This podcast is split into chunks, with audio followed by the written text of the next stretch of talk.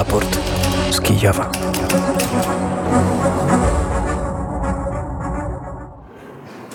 638 dzień rosyjskiej inwazji, inwazji na Ukrainę, inwazji na pełną skalę. Z Kijowa wita się Paweł Bobołowicz. Naszą audycję realizuje Asia Reiner. W nocy Federacja Rosyjska zaatakowała przy użyciu rakiety obiekt infrastrukturalny w rejonie krzyworyskim. Nikt nie odniósł obrażeń, tak podają lokalne władze obwodu Dniepropietrowskiego. Armia rosyjska szturmowała na kierunku kupiańskim i nie przestaje próbować otoczyć Awdijiwki, informuje ukraiński sztab generalny. Z kolei siły zbrojne Ukrainy utrzymują utrzymują zajęte pozycje na lewym brzegu Dniepra w kierunku Hersonia i kontynuują działania szturmowe na południe od Bachmutu. Więcej za chwilę Dmytro Antoniuk. Putin wziął udział w szczycie G20, który odbył się online. Było to pierwsze wystąpienie prezydenta Rosji na międzynarodowym wydarzeniu z udziałem przywódców zachodnich. Biden i Xi Jinping odmówili w nim udziału, a Scholz zażądał od Putina zaprzestania wojny na Ukrainie. Podczas szczytu online Putin powiedział, że Federacja Rosyjska rzekomo nigdy nie zrezygnowała z rozmów pokojowych w sprawie Ukrainy. Siły zbrojne Ukrainy potwierdziły, że zaatakowały koncentrację rosyjskich żołnierzy z 810 Brygady Morskiej. W momencie ataku rosyjscy żołnierze zebrali się, aby uczcić Dzień Rosyjskiego Artylerzysty. Jak podały media, zginęło tam 25 żołnierzy i rosyjska aktorka, która występowała przed wojskiem. Wcześniej dowódca ukraińskiej jednostki rozpoznania powietrznego nazwał ten atak odwetem za ostrzał przez Rosjan 128 samodzielnej Brygady Szturmowej Sił Zbrojnych Ukrainy. Wtedy zginęło 19 ukraińskich żołnierzy. Rada Najwyższa Ukrainy zwróciła się do Sejmu i Senatu RP z apelem o odblokowanie granicy. Dobre sąsiedztwo w stosunkach między Ukrainą a Polską jest dla nas niezwykle ważne. Czytamy w uzasadnieniu do projektu uchwały, które dzień wcześniej przegłosował ukraiński parlament. Tej nocy zmarł kolejny ukraiński kierowca na polskiej granicy, poinformował Wołodymyr Balin, wiceprezes Związku Międzynarodowych Przewoźników Samochodowych Ukrainy. Według niego samochód zmarłego miał charkowskie tablice rejestracyjne. To drugi przypadek śmierci kierowcy podczas protestu polskich mm, przewoźników. Przenosimy się po ulicach Kijowa, bo e, Dmytro z tego miejsca, gdzie jestem ja, e, swoje studio ma kilka dobrych e, kilometrów. Dzień dobry Dmytrze. Dzień dobry Pawle, witam Państwa serdecznie.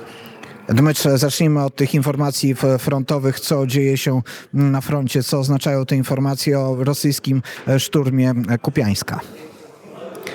E, to oznacza, że wróg już przegrupował swoje siły akurat na tym kierunku i teraz e, próbuje na pełną skalę atakować akurat e, tam na północ od rzeki Siwerski Doniec w obwodzie charkowskim. Także tam teraz w tej chwili chyba to jest no, naj najbardziej gorący punkt e, w całym e, froncie e, ukraińsko-rosyjskim.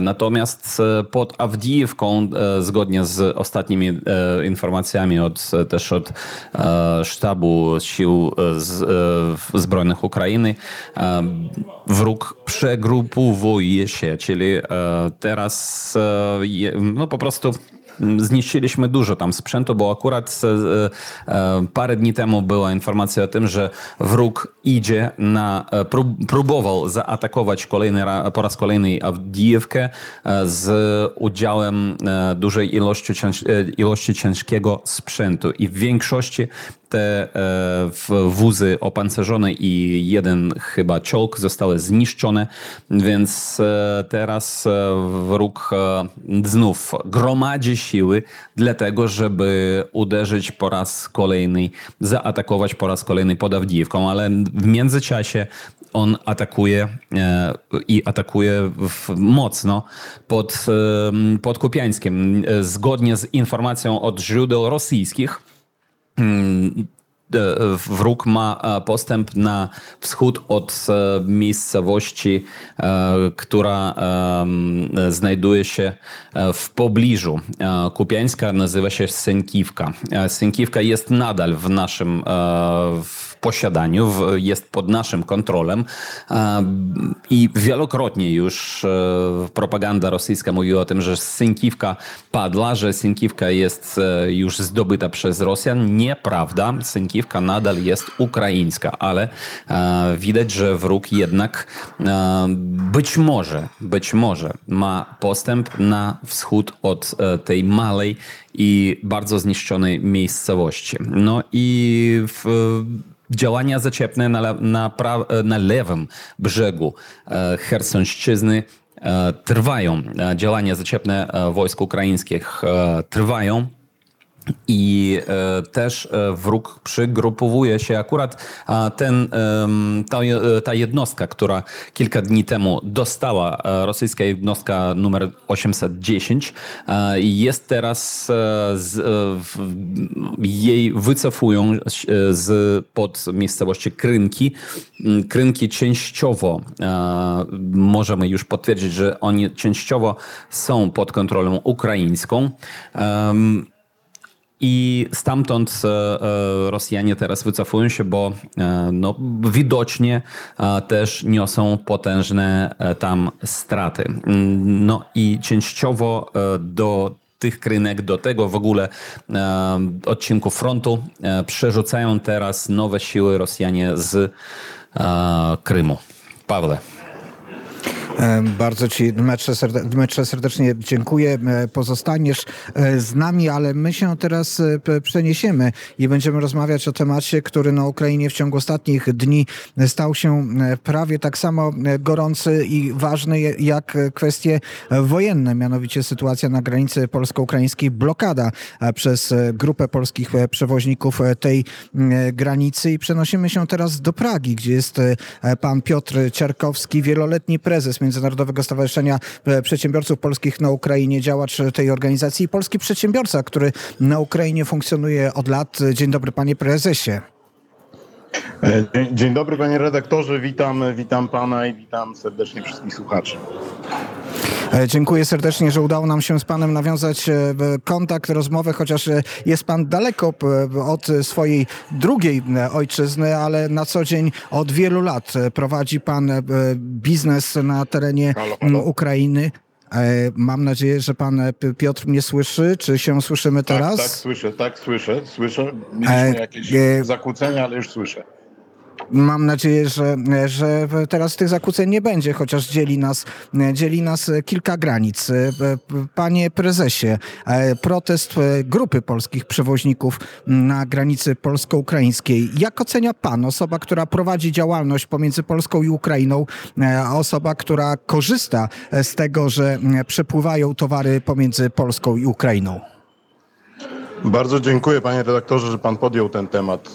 E, Brakuje w przestrzeni medialnej takiej prawdy, bo słyszymy, y, słyszymy narrację i partii, która, która firmuje ten strajk i samych działaczy, którzy organizują ten strajk. Y, I nieprawdą jest, że jest to spójne stanowisko wszystkich transportowców Polski. Inicjatorem tego strajku jest dość wąska grupa, której interesy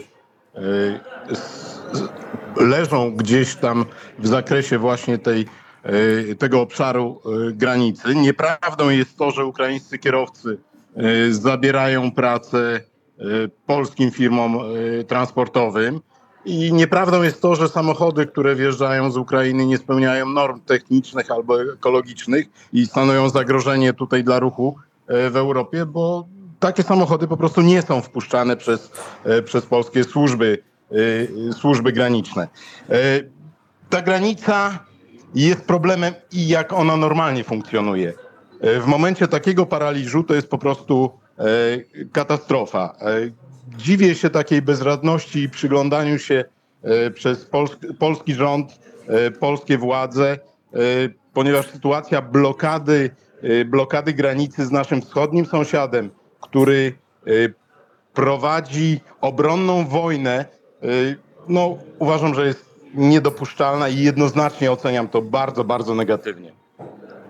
E, Gdy E, e, mówimy o, tak. o tym proteście, e, to mówimy o tym, że nie wszyscy przewoźnicy, że to jest grupa przewoźników. Podejrzewam, że nawet w tym momencie do pana mogą jechać jakieś wyroby z Polski, albo pana wyroby mogą przekraczać granice, albo jak nie do pana, to do innych biznesmenów, do innych osób, które tworzą, tworzą dochód jednej albo, jednego albo drugiego kraju, albo obydwu. Czy te osoby, które wytwarzają te produkty, artykuły, które przejeżdżają przez granicę, e, no zgadzają się na taką formę e, protestu? Ja tutaj chciałbym powiedzieć e, o tym, kto ma obowiązek zapewnić porządek i przepływ towarów państwo ma zapewnić i, i rząd powinien wykonać, wykonać jakieś ruchy, jeśli te ruchy mediacyjne nie, nie, nie doprowadziły do skutku, skutku niestety e, trzeba rozblokować siłowo i tak się wydarzyło na Słowacji. W ciągu ostatnich godzin granica została przez służby porządkowe rozblokowana. E, polscy producenci, y, nie tylko polscy, bo również europejscy, na tym bardzo tracą. Pamiętajmy, że jest sezon przedświąteczny. Pamiętajmy, że Ukraina stara się jednak żyć normalnie. Y, Czyli przepływ, przepływ towarów, zaopatrzenie, zaopatrzenie towarów z Europy, z Polski. Y, Pamiętajmy też o tym, że Polska jest na drugim miejscu jako partner handlowy. Y, Aby uzyskać taki efekt, jest to efekt pracy wielu, wielu, można powiedzieć, pokoleń biznesmenów, którzy przez dziesięciolecia tworzyli tą, tą współpracę, te mosty, które działają. W tej chwili one są świadomie niszczone i, w, i tak jak mówiłem, dziwi mnie taka bezradność, e, bezradność władzy, która po prostu widzi, jak pali się efekt jej pracy też przez ostatnie lata i nic nie robi w tym kierunku.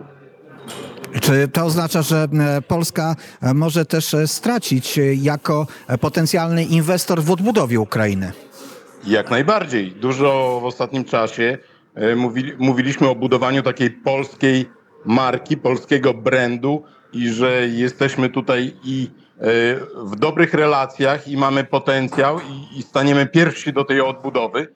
Niestety w ten sposób też wszystko psujemy, dlatego że no nie dość, że mamy te wąskie gardła w postaci tej granicy, które i tak słabo działają, to w tej chwili są jeszcze zablokowane przez wąską e, wąską e, grupę osób zainteresowanych i to, no, no, to jest po prostu anarchia moim zdaniem. Coś takiego w cywilizowanym świecie, w świecie, który się solidaryzuje z e, walczącą Ukrainą, e, no nie powinno, nie powinno zdecydowanie mieć miejsca. Ale jednocześnie przewoźnicy mówią, że oni też są biznesmenami też tracą. Mówią o tym, że ich dochody spadły o 30%, że Ukraińcy zabierają e, polski e, rynek e, i że e, właściwie to może powinniśmy jednak się solidaryzować jako e, z tą częścią, która też e, przecież w jakiś sposób e, dokłada się do tego, żebyśmy, e, żeby nasze kraje mogły funkcjonować dobrze gospodarczo.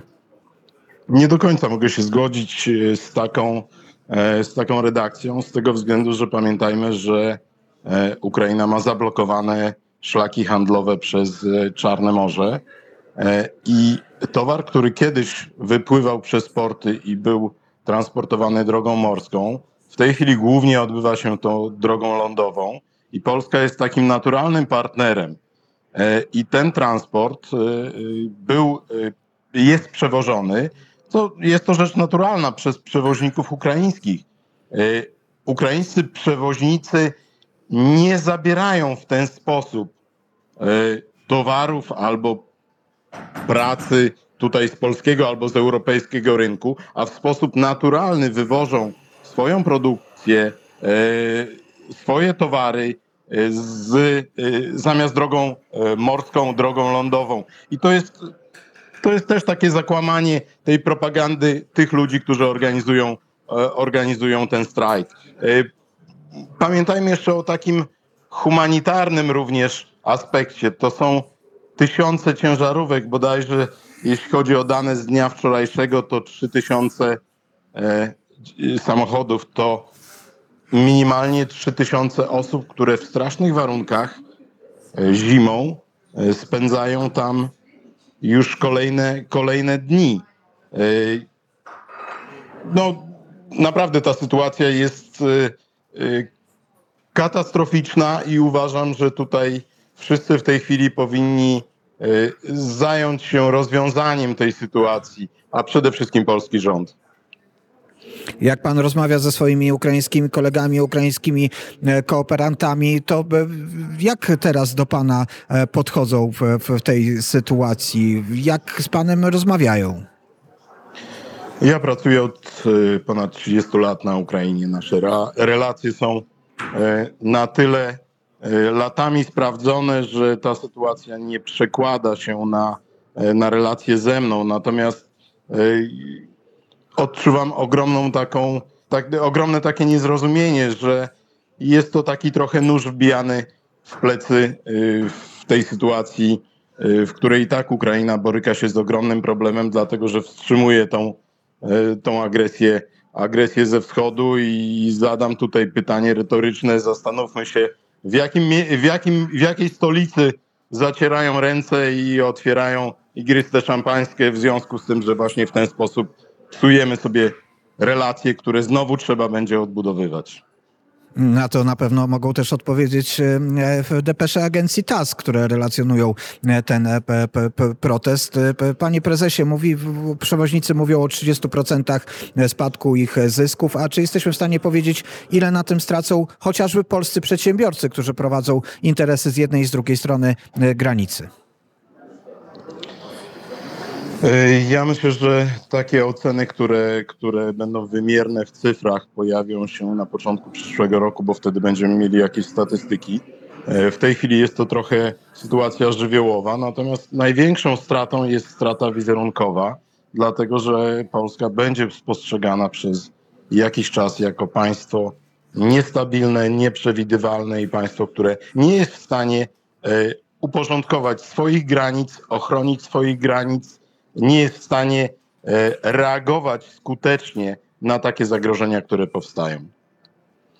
E, polska granica blokowana w sytuacji, w której e, Polska znajduje się w ciężkim momencie przejścia politycznego. E, być może od jednej formacji do drugiej formacji, ale niewątpliwie w sytuacji, w której nie mamy pełnego, pełni, pełni normalnie funkcjonującego systemu państwowego. Ten moment, w tym momencie zaprotestowała grupa polskich przewoźników i straszy, że blokować granicę będzie do przyszłego roku. Naszym gościem był pan Piotr Ciarkowski, były prezes wieloletni Międzynarodowego Stowarzyszenia Przedsiębiorców Polskich na Ukrainie, polski biznesmen, który pracuje w Polsce i na Ukrainie i nie tylko, a tym razem e, połączyliśmy się z panem Ciarkowskim z Pragi. Bardzo serdecznie dziękuję.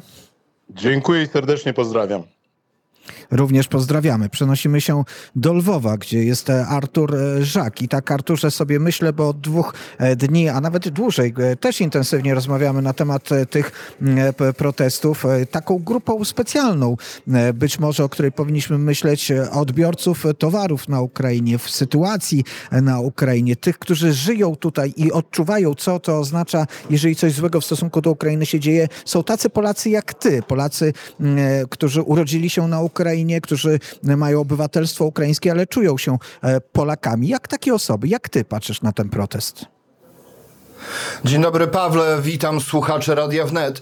E, faktycznie to jest dosyć e, trudne pytanie, bo faktycznie muszę się czasami tłumaczyć przed e, moimi znajomymi Ukraińcami, dlaczego dochodzi do tego typu zdarzeń. Muszę tłumaczyć zawiłości też czasami prawa polskiego. Muszę czasami tłumaczyć, czego bardzo nie lubię, że tak działają też generalnie procesy demokratyczne, że człowiek może protestować. Problem Problem jest tylko wtedy, kiedy człowiek swoim protestem naraża dla interesów jakiejś jednej e, grupy e, przedsiębiorców albo części tej grupy przedsiębiorców, bo warto zaznaczyć, że w Polsce jest zarejestrowane ponad 120 tysięcy firm transportowych i na pewno to jest bardzo nikły protest, e, procent tych, którzy protestują. I to jest największy problem, że muszę się tłumaczyć, czego, tłumaczyć się z czegoś, czego nie dokonałem i często podaję przykłady historyczne. Sięgam do przykładów sprzed 100 e, lat, e, do przykładów z wojny z bolszewikami z 1920 roku i podaję przykłady innymi strajków dokerów angielskich i zatrzymanie na co najmniej dwa tygodnie amunicji, która miała dopłynąć dla broniących się Polaków. Przypominam też e, strajki w 1920 roku w Niemczech, Wielkiej Brytanii, tak jak już powiedziałem, Belgii, Skandynawii, Włoszech, o, o dywersjach dokonywanych w europejskich e, fabrykach e, amunicji, między innymi w Austrii i to, co spowodowało radykalny spadek potencjalnych dostaw dla broniących się Polaków. I, i to jest chyba analogia, która moim zdaniem pasuje do danej sytuacji sytuacji. Niemniej jednak, e, czego najbardziej nie lubię, to tłumaczenie się właśnie z tego, dlaczego władza polska nie dokonuje radykalnych działań. E, I to, i, I to nie jest takie łatwe, Pawle, kiedy musisz tłumaczyć, że z powodów, e, nawet powodów e, wyższych, czasami nie należy rezygnować z, mm, z demokracji. Niemniej jednak państwo powinno dbać o bezpieczeństwo. O bezpieczeństwo mm, nie tylko przedsiębiorców, nie tylko strajkujących, ale też, którzy ci przez ten strajk są zablokowani. Dzisiaj mówiłeś już o drugiej śmierci w e, kolejce ukraińskiego e, kierowcy, ale to także zagrożenie epidemiologiczne. Przecież e, tam nie ma mm, wystarczającej ilości toalet, nie ma możliwości dotarcia do normalnego dotarcia do, do, do sklepów przez tych uwięzionych w tej kolejce kierowców. No ale warto też dodać, że trwa protest na, na innej granicy, na granicy w Chrebenne Szygyni i tam dla odmiany inna organizacja, tym razem rolnicza, e, ma blokować też piesze przejście, które jest też takim jednym z nielicznych miejsc, gdzie można e, pieszo przekroczyć granicę Polski e, i Ukrainy. Więc to jest najbardziej negatywne właśnie w tym, e, w tym proteście, że ja muszę się tłumaczyć za działania, w których e, no, nie biorę udziału. Polacy, którzy mieszkają na Ukrainie, razem z innymi obywatelami Ukrainy mogą być pozbawieni dostaw towarów z Polski w okresie świątecznym. A przecież, Arturze, wystarczy wejść teraz do każdego zwykłego sklepu na Ukrainie, żeby zrozumieć, że olbrzymią część towarów e, w tych sklepach stanowią właśnie te, które są z Polski dostarczane. Zgadza się, to są towary, towary, które wywalczyły sobie miejsce na rynku właśnie w, ram, w czasie pełnoskalowego natarcia Rosji na Ukrainę. Dla mnie na przykład takim bardzo znaczącym też, e, nie wiem, takim e, jak, jakby wskazaniem na zło tego, tego protestu jest e, to, że na przykład bardzo duży sklep militarny, polski sklep militarny, który jest bardzo popularny na terenie Ukrainy, który bardzo szybko dostarcza swoje towary polskich producentów od polskich sprzedawców, no ma zdecydowanie wydłużone terminy dostaw e, produktów, a Polacy zarabiali na tym, że wysyłali te towary na Ukrainę, więc cierpią w sumie chyba wszyscy. Pawle? Cierpi też, cierpi też Artur Żak, który nie dostarczy tych towarów, które w Polski zamówił. Arturze, e, Patronite, ta akcja, o której Państwu e, mówimy, e, rozumiem, że dołączasz się do wspólnego apelu Radia Wnet. Jak najbardziej należy zostać tym, który wspiera wolne, wolne media, bo nie ma innego radia, który ma tak szeroki zakres prawdziwych głosów z tak różnych części świata. Różne poglądy, różne głosy, a to wymaga wspierania, więc e, zachęcam wszystkich do wejścia na stronę e, Patronite'u, znalezienie tam e, strony Radia Wnet, czyli patronite.pl ukośnik Radio Wnet i wspierania. Można zacząć od 20 zł i aż do 200 i zostać kontradmirałem. Serdecznie zachęcam wszystkich. I cała redakcja wschodnia serdecznie zaprasza i zachęca do tego. Nie opowiemy już w tym wydaniu o wydarzeniach, dwóch ważnych wydarzeniach e, polskich, które mają miejsce w Kijowie. Do tego tematu powrócimy zapewne e, jutro. Z Kijowa żegna się Paweł Bobołowicz. Do usłyszenia. Raport z Kijowa.